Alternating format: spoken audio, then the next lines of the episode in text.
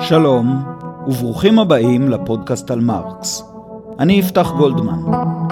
פרק חמישי, חתיכת עבודה. בשלושת הפרקים הקודמים דיברתי על המטריאליזם ההיסטורי. יכולתי לדבר על הנושא לפחות במשך פרק שלם נוסף. אפילו שקלתי לעשות זאת, אבל בסופו של דבר החלטתי שהגיע הזמן להתקדם. המטריאליזם ההיסטורי ימשיך כמובן ללוות אותנו.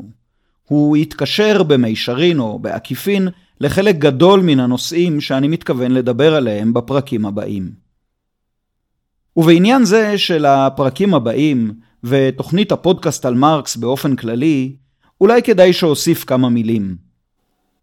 ייתכן שחלק מכם, שהאזינו כבר לארבעה פרקים, מתחילים לגלות קוצר רוח. במיוחד אם יש לכם היכרות מוקדמת עם הגותו של מרקס. הרי ידוע שמרקס היה מהפכן רדיקלי, אדם שקרא להתקוממות של הפועלים נגד אדוניהם הקפיטליסטים המנצלים, וכן הלאה.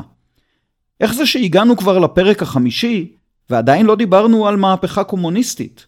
או לפחות על הניצול והדיכוי של הקפיטליזם. איפה ה-juicy stuff? למה הפודקאסט על מרקס לא בוער באש מהפכנית? אז יש לי שלוש תשובות להשיב על כך. התשובה הראשונה היא אפולוגטית. אם הקשבתם היטב לפרקים הקודמים, בוודאי לא החמצתם את הרמזים ואפילו את האזכורים המפורשים לתורת המהפכה של מרקס שבצבצו פה ושם מבעד לדיון במטריאליזם ההיסטורי.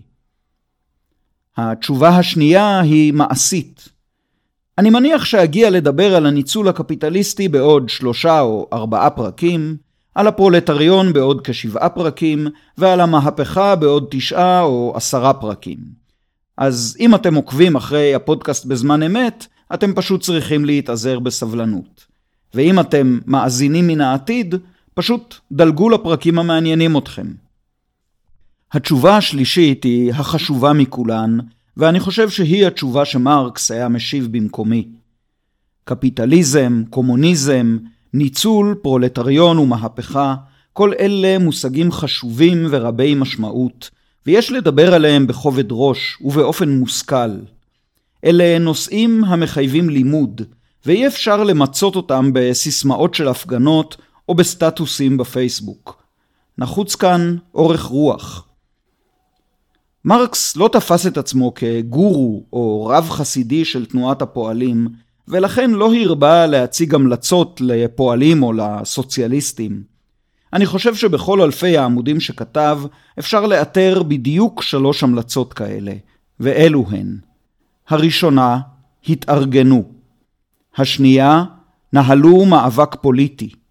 השלישית, רכשו השכלה. על שתי ההמלצות הראשונות עוד אדבר הרבה בפרקים הבאים, אבל על השלישית אדבר רק עכשיו. יש שתי דרכים להבין ברוח מרקסית את ההמלצה לרכוש השכלה, ושתיהן רלוונטיות. ראשית, מרקס היה אדם בעל השכלה רחבה בהומניסטיקה ובמדעים. הוא ייחס חשיבות גדולה לתרבות גבוהה ולרכישת דעת. במובן זה מרקס היה הומניסט קלאסי, כלומר הומניסט במשמעות הקלאסית של המילה. טרי איגלטון, פרשן מרקס שאני מאוד אוהב, מספר שמרקס השתוקק לסיים את עבודתו על הקפיטל כדי שיוכל להתפנות לכתוב על יצירתו של הסופר הצרפתי הדגול אונורי דה בלזק. איגלטון לא מספק מראה מקום להערה הזאת, אבל אני מעדיף להניח שהיא מבוססת. כהומניסט, מרקס האמין שההשכלה הרחבה שהוא זכה לה, ראוי שתהיה מנת חלקו של כל אדם, גם אם הוא פועל פשוט או פעיל סוציאליסטי נלהב. שנית, במובן מצומצם יותר של המילה השכלה, מרקס האמין שרכישת התיאוריה של הסוציאליזם, ואפילו הפילוסופיה של הסוציאליזם, היא חלק חשוב בהגשמת החזון הסוציאליסטי. כפי שכתב באחד מחיבוריו הראשונים, כשם שמוצאת הפילוסופיה בפרולטריון את כלי הנשק החומרי שלה, כן מוצא הפרולטריון בפילוסופיה את כלי הנשק הרוחני שלו. מרקס האמין באמת ובתמים שכל אדם סביר, גם פועל התעשייה הפשוט, יכול להבין את התיאוריה של הסוציאליזם אם רק ישתדל, ואם רק תשתדל התיאוריה לדבר אליו ועליו ולא מעליו. אולי מרקס היה אופטימי מדי או נאיבי מדי, אבל אני חושב שמן הראוי שנשתדל לפחות להוכיח שהאמון שנתן בבני האדם היה מוצדק. לכן, עלינו לחכות קצת עם מהפכת השחרור ולצנן את ההתלהבות המהפכנית שלנו במים הקרים של התיאוריה. בפרק הראשון של הפודקאסט על מרקס השתמשתי במטאפורה של השפה המרקסית. אז אנחנו עדיין לומדים את האלף-בית. ואם תרצו מטאפורה אחרת, עמוס עוז כתב פעם שהנפש הסוציאליסטית ניזונה מאש ומקרח. זה נראה לי דימוי הולם לתיאוריה של מרקס, ואנחנו עדיין בקרח. אם יש דבר אחד שלמדנו בוודאות מן המטריאליזם ההיסטורי, הרי זה שהאופן שבו בני האדם מספקים את צורכיהם הוא קריטי, ועליו לתפוס מקום חשוב בדיון על כל חברה ועל כל תקופה היסטורית.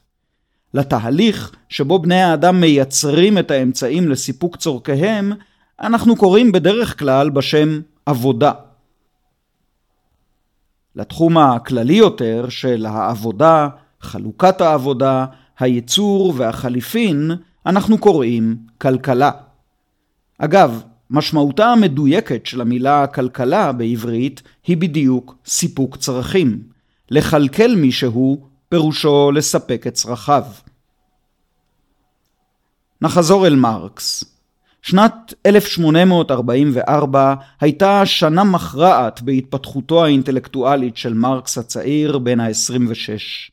הוא היגר מחבל הריין לפריז והצטרף שם לחוג של מהפכנים, חלקם צרפתים וחלקם גולים כמוהו.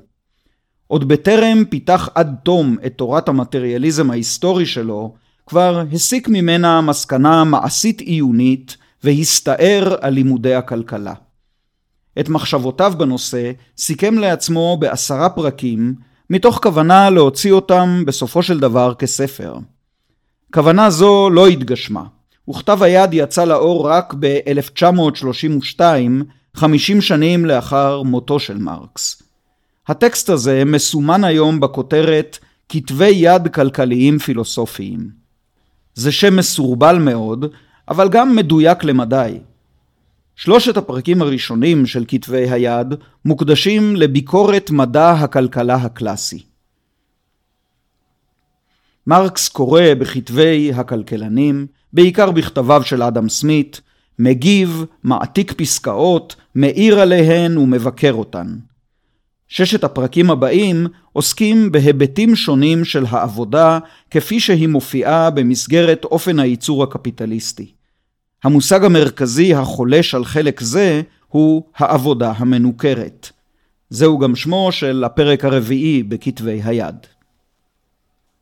במסגרת זו מרקס מדבר גם על מראה דמותה של חברה עתידית, חופשית, אשר תתגבר על הקפיטליזם ועל הניכור, חברה קומוניסטית. הפרק האחרון בכתבי היד הכלכליים פילוסופיים הוא ביקורת הפילוסופיה של הגל. בראשית הפודקאסט על מרקס, בפרק הראשון, אמרתי שמרקס הוא יורש ומבקר של שלושה זרמים מחשבתיים גדולים, של תורת הכלכלה הבריטית, של מחשבת הנאורות הקלאסית שהתפתחה אל הסוציאליזם הצרפתי, ושל הזרם הפילוסופי הנקרא האידיאליזם הגרמני. אפשר לראות שכתבי היד הכלכליים פילוסופיים מאגדים בתוכם את שלושת המקורות הללו. מרקס פותח בביקורת הכלכלה, ממשיך משם אל הסוציאליזם או הקומוניזם, ומסיים בביקורת הפילוסופיה של הגל. כתבי היד הכלכליים פילוסופיים הם אחד הטקסטים המעניינים ביותר של מרקס. על מידת חשיבותם יש מחלוקת גדולה בין הפרשנים, מחלוקת ממש גדולה. יש הרואים בכתבי היד מין חיבור בוסר של מהפכן רומנטיקן צעיר ונלהב, הנמצא רק בראשית הדרך להיות קרל מרקס. אחרים רואים בכתבי היד נדבך חשוב מאוד של המחשבה המרקסית, ומצביעים על יסודות קריטיים של הגות מרקס, המקבלים ביטוי מפורש ומפורט רק בהם. באופן אישי, אני תופס במחלוקת הזאת איזו עמדת ביניים. אני מאוד אוהב את כתבי היד הכלכליים-פילוסופיים, אוהב לקרוא אותם ואוהב ללמד אותם. אבל אני גם מבין את טענותיהם של אלה האומרים שאסור לייחס להם משקל גדול מדי במכלול הגותו של מרקס. ככלות הכל, כפי שמאיר בצדק צבי טאובר בספרו המצוין עיונים בהגות מרקס, מרקס יכול היה לפרסם את הטקסט הזה, ובחר שלא לפרסמו. כך בחר גם אנגלס, ששמר אצלו את כתב היד לאחר מותו של מרקס. אבל עכשיו אני רוצה ברשותכם לעצור ולקחת שניים שלושה צעדים אחורה. להתרחק קצת מהטקסט של מרקס, ואפילו מהגות מרקס עצמה, ולעשות מין דיון מכין לפני שאנחנו צוללים שוב אל מרקס. דיון במושג הזה עבודה. ואחרי מה שאמרתי לפני כמה רגעים על אורך הרוח הנחוץ כשלומדים את מרקס, ברור שאינכם יכולים להתנגד. אני יודע שיש למושג עבודה הגדרות במדע הפיזיקה, ואולי גם בדיסציפלינות אחרות. אבל אני מתכוון עכשיו לדבר הרגיל, sense שנקרא עבודה. הדבר הראשון שעולה במחשבתכם, הדבר שאליו הולכים בני אדם בכל בוקר כשהם הולכים לעבודה. אז מה זה הדבר הזה עבודה? כפי שתכף נראה, התשובה מורכבת יותר ממה שנראה ממבט ראשון. ראשית, העבודה כרוכה בהפקת האמצעים לסיפוק צורכי הקיום. בראש ובראשונה הצרכים החומריים והבסיסיים ביותר, מזון, קורת גג ולבוש. כאן אנחנו חושבים למשל על עבודתו של העיקר בשדה, של רועי הכבשים או של הבנאי. גם אם נרחיק בזמן אלפי שנים אחורה אל חברות קדומות של ציידים לקטים, עדיין אפשר לדבר, לפחות במובן מסוים, על עבודת הלקט והציד. אמנם גם חיות מלקטות וצדות, אבל רק האדם מפעיל תוך כדי כך מחשבה תכליתית, מתכנן את צעדיו ומוציאם לפועל על פי רצונו המודע. לכן רק האדם הוא בעל חיים עובד. העבודה שיש בה יסוד חומרי גופני, אבל גם יסוד נפשי או תודעתי, מתווכת לאדם את חילוף החומרים שלו עם הטבע. לפרידריך אנגלס יש חיבור קצר בעל כותרת נפלאה. חלקה של העבודה באינוש הקוף. אינוש הקוף במשמעות של הפיכת הקוף לאנושי. זוהי אם כן המשמעות הראשונה של העבודה. ובמשמעות זו היא הופיעה פעמים רבות, ועדיין מופיעה בימינו, כעבודה קשה ומפרכת. המילה המקראית עמל פירושה גם צער או סבל, וגם עבודה קשה. אבל באופן אחר, המילה עבודה גם מתקשרת אצלנו אל שדה משמעות אחר, אולי יותר סימפטי. דרך העבודה שלנו אנחנו יוצרים משהו. מטביעים חותם בעולם, מביאים לידי ביטוי כישרונות מיוחדים שלנו וכן הלאה. פעמים רבות אנחנו מרגישים גאווה וסיפוק אל מול תוצר עבודתנו. עשינו כאן חתיכת עבודה, אנחנו אומרים לעצמנו, ואולי גם לנו לא ברור אם אנחנו מתכוונים בכך לתוצר העבודה או לתהליך העבודה. יש זהות שורשית בשפה העברית בין המילים יצר, ייצור ויצירה. בלועזית זה לא עובד כל כך טוב. כלכלנים קלאסיים ונאו-קלאסיים רבים, וגם כלכלנים ניאו-ליברליים, הניחו שיצר האדם הוא להתבטל כמה שיותר, ורק האיום של שוט הרעב והמחסור, או שוט אחר, דוחף אותו לעבוד. לעומתם, הצביעו אין ספור אנתרופולוגים, סוציולוגים ופילוסופים על יצר אנושי טבעי לפעולה ועשייה. מרטין בובר למשל קרא לכך היצר לחולל דבר, במשמעות של לעשות משהו, להוליד שינוי בעולם, לחולל בו משהו שלא היה בו קודם. לעשות משהו בעולם, ובדרך כלל הכוונה למשהו חומרי, אובייקט או חפץ שלא היה קיים קודם.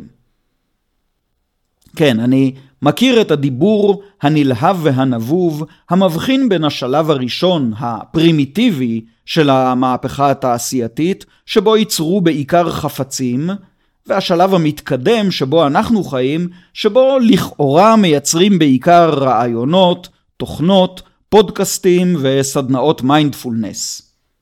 קשקוש. ייצרו לרגע והביטו סביבכם. לא משנה מי אתם ולא משנה איפה אתם נמצאים עכשיו. פשוט עמדו והביטו סביבכם. אתם מוקפים בשפע אדיר של חפצים. אתם מוקפים עד צוואר בחפצים.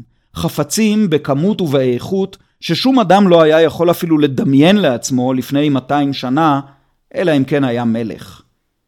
רעיונות, תוכנות, הרצאות וסדנאות מיינדפולנס לא מכלות את משאבי כדור הארץ וגם לא גורמות להתחממות גלובלית.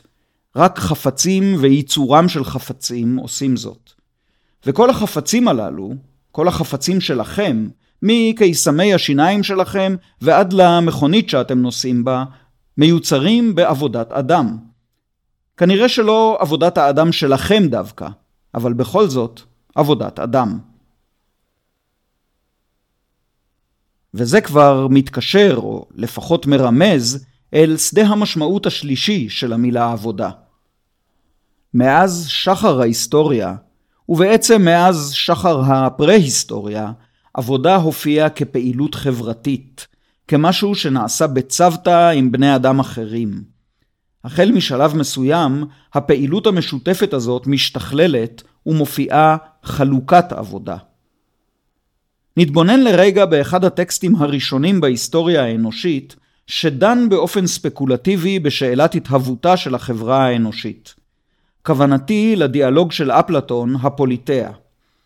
לאורך רוב הטקסט הזה, התלמידים וסוקרטס המורה מתכננים ביחד מדינה. כנקודת מוצא לדיון שלהם, הם לוקחים את העובדה שהאדם אינו יכול לספק את כל צרכיו בעצמו.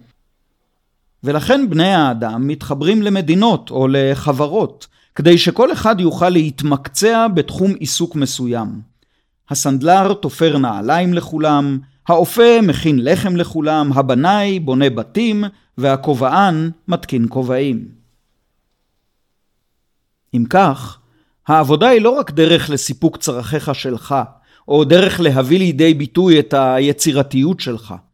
היא גם התפקיד החברתי המסוים שלך, התרומה הסגולית שלך לחברה. כמעט אפשר לומר הזהות שלך, ואולי השליחות שלך. כפי שאומנם נרמז במילה העברית מלאכה, הגזורה מן המילה המקראית מלאך, שפירושה שליח. חישבו על שמות המשפחה שאנחנו נושאים איתנו מדור לדור, וכבר שכחנו את מקורם. רבים מהם הם שמות של בעלי מקצועות. שניידר, מועלם, קצב, גולדמן. יש איזו אמירה נפוצה כאילו הכלכלן הסקוטי הגדול אדם סמית גילה את חלוקת העבודה. זה תמיד מצחיק אותי לקרוא את זה, הרי חלוקת העבודה מתוארת כבר אצל אפלטון. האם באמת סביר להניח שעד למאה ה-18 אף אחד לא שם לב לכך? גם הרעיון המיוחס לסמית, שחלוקת העבודה מרבה את השפע הכללי, מופיע במפורש בפוליטאה של אפלטון. מה שאדם סמית באמת חידש, היה ההבחנה שפריון העבודה עולה באופן דרמטי, כאשר חלוקת העבודה מפרקת כביכול את תהליך ייצורו של מוצר אחד לסדרה של פעולות, כשכל עובד אחראי רק לחלק אחד מתהליך הייצור של המוצר. ספרו של סמית, עושר העמים, יצא לאור בשנת 1776. סמית פותח את הספר בדוגמה שהיא ככל הנראה הדוגמה המפורסמת ביותר בתולדות מדע הכלכלה. אקרא את דבריו מן התרגום העברי בהשמטות מסוימות. השיפור הגדול בפריון העבודה ועיקרם של הזריזות, המיומנות ושיקול הדעת שבהם היא מנוהלת ומבוצעת בכל מקום, יש לתלותם כנראה בחלוקת העבודה. נביא אפוא דוגמה מענף פחות מאוד בערכו, מקצועו של עושה הסיכות. עובד שלא למד את המקצוע הזה ואינו מכיר את המכונות המופעלות בו, ספק אם יוכל על אף חריצותו לעשות סיכה אחת ביום, קל וחומר עשרים. אבל בדרך שבה מתנהל עיסוק זה היום, לא זו בלבד שהעבודה כולה היא מקצוע בפני עצמו, אלא שהיא נחלקת לשלבים מספר, שגם הם רובם מקצועות בפני עצמם. אדם אחד מותח את התיל, שני מיישרו, שלישי חותכו, רביעי מחדדו וחמישי משחיז את קצהו כדי להכשירו לקבל את הראש. לעשיית הראש נדרשות שתיים שלוש פעולות נפרדות. הרכבתו היא עניין בפני עצמו, ועניין אחר הוא הלבנת הסיכות. כך נחלקת המלאכה החשובה של עשיית הסיכות לשמונה עשרה פעולות שונות, ובכמה בתי חרושת נעשית כל אחת מהן בידי ידיים אחרות. ראיתי בית תעשייה קטן מסוג זה, שהועסקו בו עשרה עובדים בלבד, ולכן עשו אחדים מהם שתיים או שלוש פעולות נפרדות, ואולם, אף על פי שהיה מפעל עני ודל בציוד, כשעמלו העובדים קשה, היה בכוחם להוציא מתחת ידיהם יותר מ-48 אלף סיכות ביום. סמית מתפעל מן העלייה העצומה בפריון העבודה. הוא לא מוטרד מכך שבבית החרושת לסיכות שתיאר, הופכת עבודתו של כל פועל המעורב בתהליך לחד-גונית, רוטינית ומשעממת. הוא מספר בשמחה על ילד פועל שהשתעמם מן המשימה הרוטינית שהוטלה עליו, לפתוח ולסגור שסתום במנוע הקיטור, עד שהמציא פתרון טכנולוגי לבעיה. חיבר שני חלקים של המנוע בחוט, כך שפתיחת השסתום וסגירתו התבצעה מעכשיו באופן אוטומטי, והילד התפנה לשחק עם חבריו. אנחנו יכולים לשאול את אה, אדם סמית, מדוע מלכתחילה היה על הנער הצעיר לעבוד במפעל במקום לשחק עם חבריו או ללמוד? אבל זה לא יהיה הוגן לשפוט את אדם סמית על פי הסטנדרטים שלנו. סמית כתב כזכור בסוף המאה ה-18. המהפכה התעשייתית עוד הייתה ממש בראשית דרכה. במבט לאחור אנחנו יודעים שהמאה ה-19 זימנה לילדי מעמד הפועלים תלאות גדולות פי כמה. העובדה שבמהלך המאה ה-20 השתפר גורלם של הילדים האלה לאין שיעור, לפחות בארצות המערב, היא בין השאר אות כבוד למרקס ולתנועה הסוציאליסטית. ומצד שני, העובדה שבראשית המאה ה-21 יש עדיין ברחבי העולם 160 מיליון ילדים שהולכים לעבודה במקום ללכת לבית הספר או למגרש המשחקים, היא אות קלון לכולנו. זה היה רגע של התפרצות האש אל תוך הדיון. אני מבקש את סליחתכם על כך. אנחנו חוזרים אל הקרח ואל אדם סמית. כאמור, זה לא הוגן לשפוט את סמית על פי הסטנדרטים שלנו, וזה גם לא נבון. דיון היסטורי הוא תמיד תלוי קונטקסט. במקום לשפוט את סמית, מוטב להבין אותו, ולחוש מבעד לספרו את ההתפעמות שחשו בני התקופה אל מול העלייה העצומה בפריון העבודה, בזכות הכנסתה של חלוקת העבודה, יחד עם מנוע הקיטור, אל תוך תהליך הייצור. סמית מקדיש למפעל הסיכות את הפרק הראשון של ספרו על עושר העמים.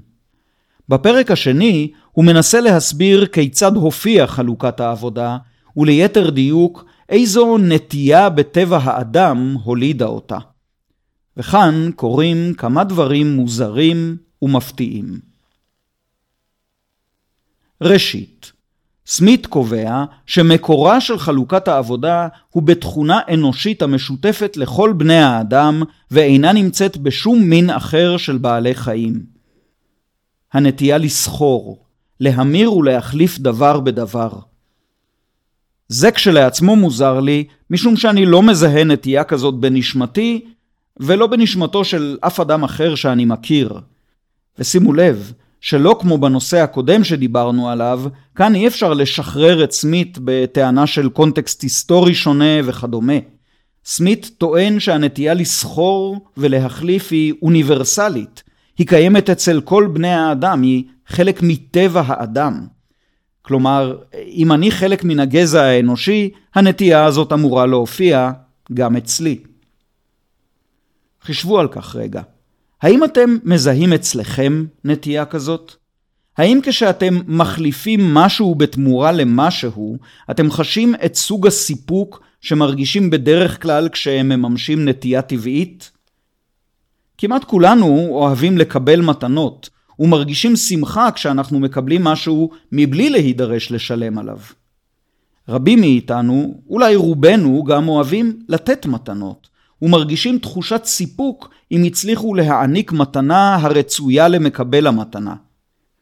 אבל נדמה לי שעבור רובנו, השלב שבו עליי לשלם, כלומר לתת משהו בתמורה למה שקיבלתי, הוא השלב הפחות נעים בתהליך. לי עצמי, גם השלב שבו עליי לקבל משהו בתמורה, למשל כשעליי לקבל תשלום על הרצאה שעשיתי, הוא החלק הפחות נעים בתהליך, ואני יודע שאני לא חריג בכך. אני מנחש שאילו ביקשתי מכם לדמיין עולם שבו הייתם מקבלים את כל מבוקשכם במתנה, ומוזמנים גם לתת מתנות לאנשים אחרים כראות עיניכם, הייתם אומרים לי אולי שזו אוטופיה שאי אפשר לממשה. אבל לא הייתם אומרים לי שהמציאות הדמיונית הזאת מונעת מכם לממש נטייה טבעית חשובה בטבע האדם שלכם. או שכן, אולי חלק מכם כן. אולי יש אנשים שעצם מעשה החליפין גורם להם סיפוק. אני לא חושב שאני מכיר אנשים כאלה, אבל זה לא אומר שהם לא קיימים. אבל זה כן אומר שלא ייתכן שהנטייה הזאת לחליפין היא משהו אוניברסלי, הטבוע בטבע האדם שלנו. אבל מה שקורה בהמשך הפרק השני של עושר העמים הוא אפילו יותר מוזר. כזכור, סמית מנסה להסביר לנו כיצד התהוותה חלוקת העבודה המאפשרת את קיומו של מפעל הסיכות המצליח.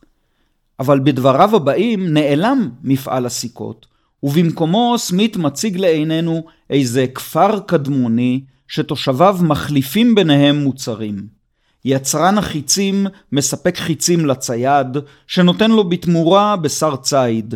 אדם אחר הופך לנגר, ואחרים מבני הכפר מתמקצעים כנפחים, חרשי נחושת או מעבדי אורות.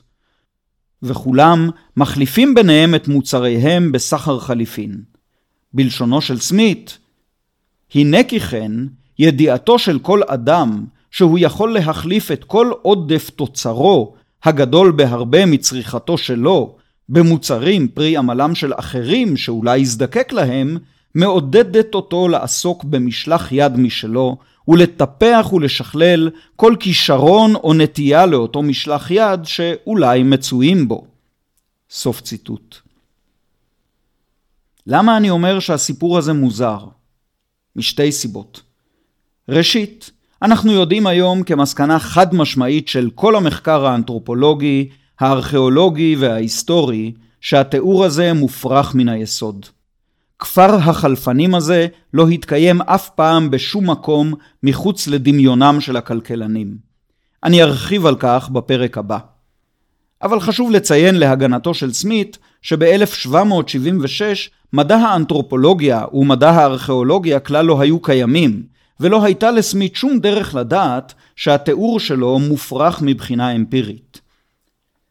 לכן נעבור אל הבעיה החמורה יותר בתיאור של סמית. הסיפור שלו על כפר החלפנים בפרק השני פשוט לא מסביר את מה שקורה במפעל הסיכות, שאותו תיאר סמית בפרק הראשון. נזכיר שוב את דבריו של סמית בפרק הראשון. אדם אחד מותח את התיל, שני מיישרו, שלישי חותכו, רביעי מחדדו, וחמישי משחיז את קצהו כדי להכשירו לקבל את הראש. סמית ממשיך בתיאור תהליך הייצור של הסיכה ומערב בו אנשים נוספים, אבל אנחנו נסתפק בארבעה אלה ונשאל מה בדיוק הם מחליפים זה עם זה. פועל אחד מיישר את התיל. הוא מעביר את התיל המיושר אל פועל אחר שחותך אותו. אבל הפועל החותך את התיל לא נותן לפועל המיישר שום דבר בתמורה. הוא רק חותך את התיל ומעביר את התיל המיושר והחתוך לפועל אחר שמחדד אותו. וגם הפועל המקבל תיל מיושר וחתוך על מנת לחדד אותו לא נותן שום דבר בחליפין. התיל אומנם מחליף ידיים בתהליך, אבל האנשים שהם בעלי הידיים האלה לא מחליפים ביניהם דבר, הם פשוט מעבירים את התיל מאחד לשני כמו חבילה עוברת בדרך להיותו סיכה. איפה החליפין? משהו לא מסתדר כאן. או שעקרון החליפין, שעל פי סמית הוא העיקרון שמאפשר את חלוקת העבודה, לא מתקיים כלל במפעל הסיכות, או שאנחנו וסמית מפספסים משהו, והחליפין שאכן מתקיימים במפעל הסיכות שונים לגמרי משוק החליפין של המוצרים שסמית מתאר במודל הכפר הקדום שלו. אולי עלינו להתעכב על הכפר הקדום הזה קצת יותר על מנת להבין. נשאל את עצמנו, מדוע בכלל נחוץ שם סחר החליפין? התשובה נראית פשוטה. על מנת שאפשר יהיה לחלק את העבודה בכפר, על מנת שכל אדם יוכל להתמחות במקצוע אחד בלבד, הכרחי שיהיה מנגנון כלשהו שמעביר מוצרים מאדם לאדם. כלומר, מנגנון שדרכו הנעליים שתפר הסנדלר יגיעו לידיו או לרגליו של הבנאי, והבית שבנה הבנאי יעבור לרשותו של הנפח, וכן הלאה. בלי מנגנון כזה, הסנדלר פשוט לא יוכל להיות סנדלר, משום שהוא יצטרך גם להכין לעצמו את הלחם שהוא אוכל ואת הבגד שהוא לובש. אבל האם סחר החליפין הוא המנגנון היחיד האפשרי כאן? ממש לא. בלי מאמץ מיוחד, אני יכול לדמיין לפחות שישה או שבעה מנגנונים אחרים שאינם מבוססים על חליפין. למשל, כל בעלי המקצועות מביאים את המוצרים שלהם אל מרכז הכפר, וראש הכפר מחלק את המוצרים כראות עיניו. או למשל, כל בעלי המקצועות מביאים את המוצרים שלהם אל מרכז הכפר, ואז כל אחד לוקח מן הערימה את מה שהוא צריך. או אולי, כל יצרן מעניק את המוצר שייצר במתנה לאדם אהוב עליו, או לאדם שאת שמו הגריל מתוך כובע. הוא מקווה לקבל במתנה דברים שבאמת נחוצים לו. אולי כל הכפר מתנהל כשבוע גמדים ענק, מורכב ומתמשך, שמתפרס על פני כל השנה.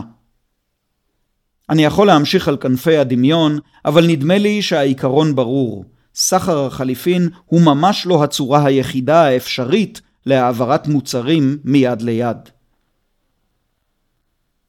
אז יש לנו כבר שתי שאלות. מדוע דווקא סחר חליפין? ואם דווקא סחר חליפין, לאן נעלם סחר החליפין במפעל הסיכות? ובירכתי הבמה מסתתרת שאלה נוספת מסתורית ומאתגרת לא פחות מקודמותיה. כיצד נקבע ערך החליפין? החייט תופר מכנסיים, והחלבן מכין גבינה. עכשיו הם באים להחליף זה בזה גבינה ומכנסיים. אבל כמה כיכרות גבינה שווה זוג מכנסיים אחד? איך נקבעת הפרופורציה הזאת? נראה שאנחנו צריכים להקדיש יותר תשומת לב למושג הזה חליפין או סחר חליפין, ולמושג אחר הקשור וצמוד אליו, המושג סחורה. ולמה זה חשוב כל כך? משום שזו בדיוק הנקודה שבה מרקס הצטרף לדיון. הוא ישאל את אדם סמית ואת יתר הכלכלנים הקלאסיים, ואותנו, את השאלה הבאה: מה קורה ליחסי הייצור וכיצד מושפע המודל התאורטי של הכלכלנים כשבני האדם לא מחליפים בשוק רק מוצרים כגון מעילים ונעליים? מה קורה כאשר כוח העבודה עצמו הופך להיות סחורה בשוק הסחורות? לכן, גם הפרק הבא בפודקאסט על מרקס יהיה בעצם הכנת השטח לקראת הדיון במרקס. אדבר בפרק הבא על המושג סחורה, כשם שבפרק הזה דיברתי על המושג עבודה. רק אחר כך נוכל להזמין את מרקס להצטרף בחזרה אל הדיון, ולחבר בהגותו את שני המושגים האלה ביחד. עשינו חתיכת עבודה היום. אני אפתח גולדמן. תודה ליאיר סיטבון על המוזיקה ועריכת הסאונד. תודה לכם שהאזנתם.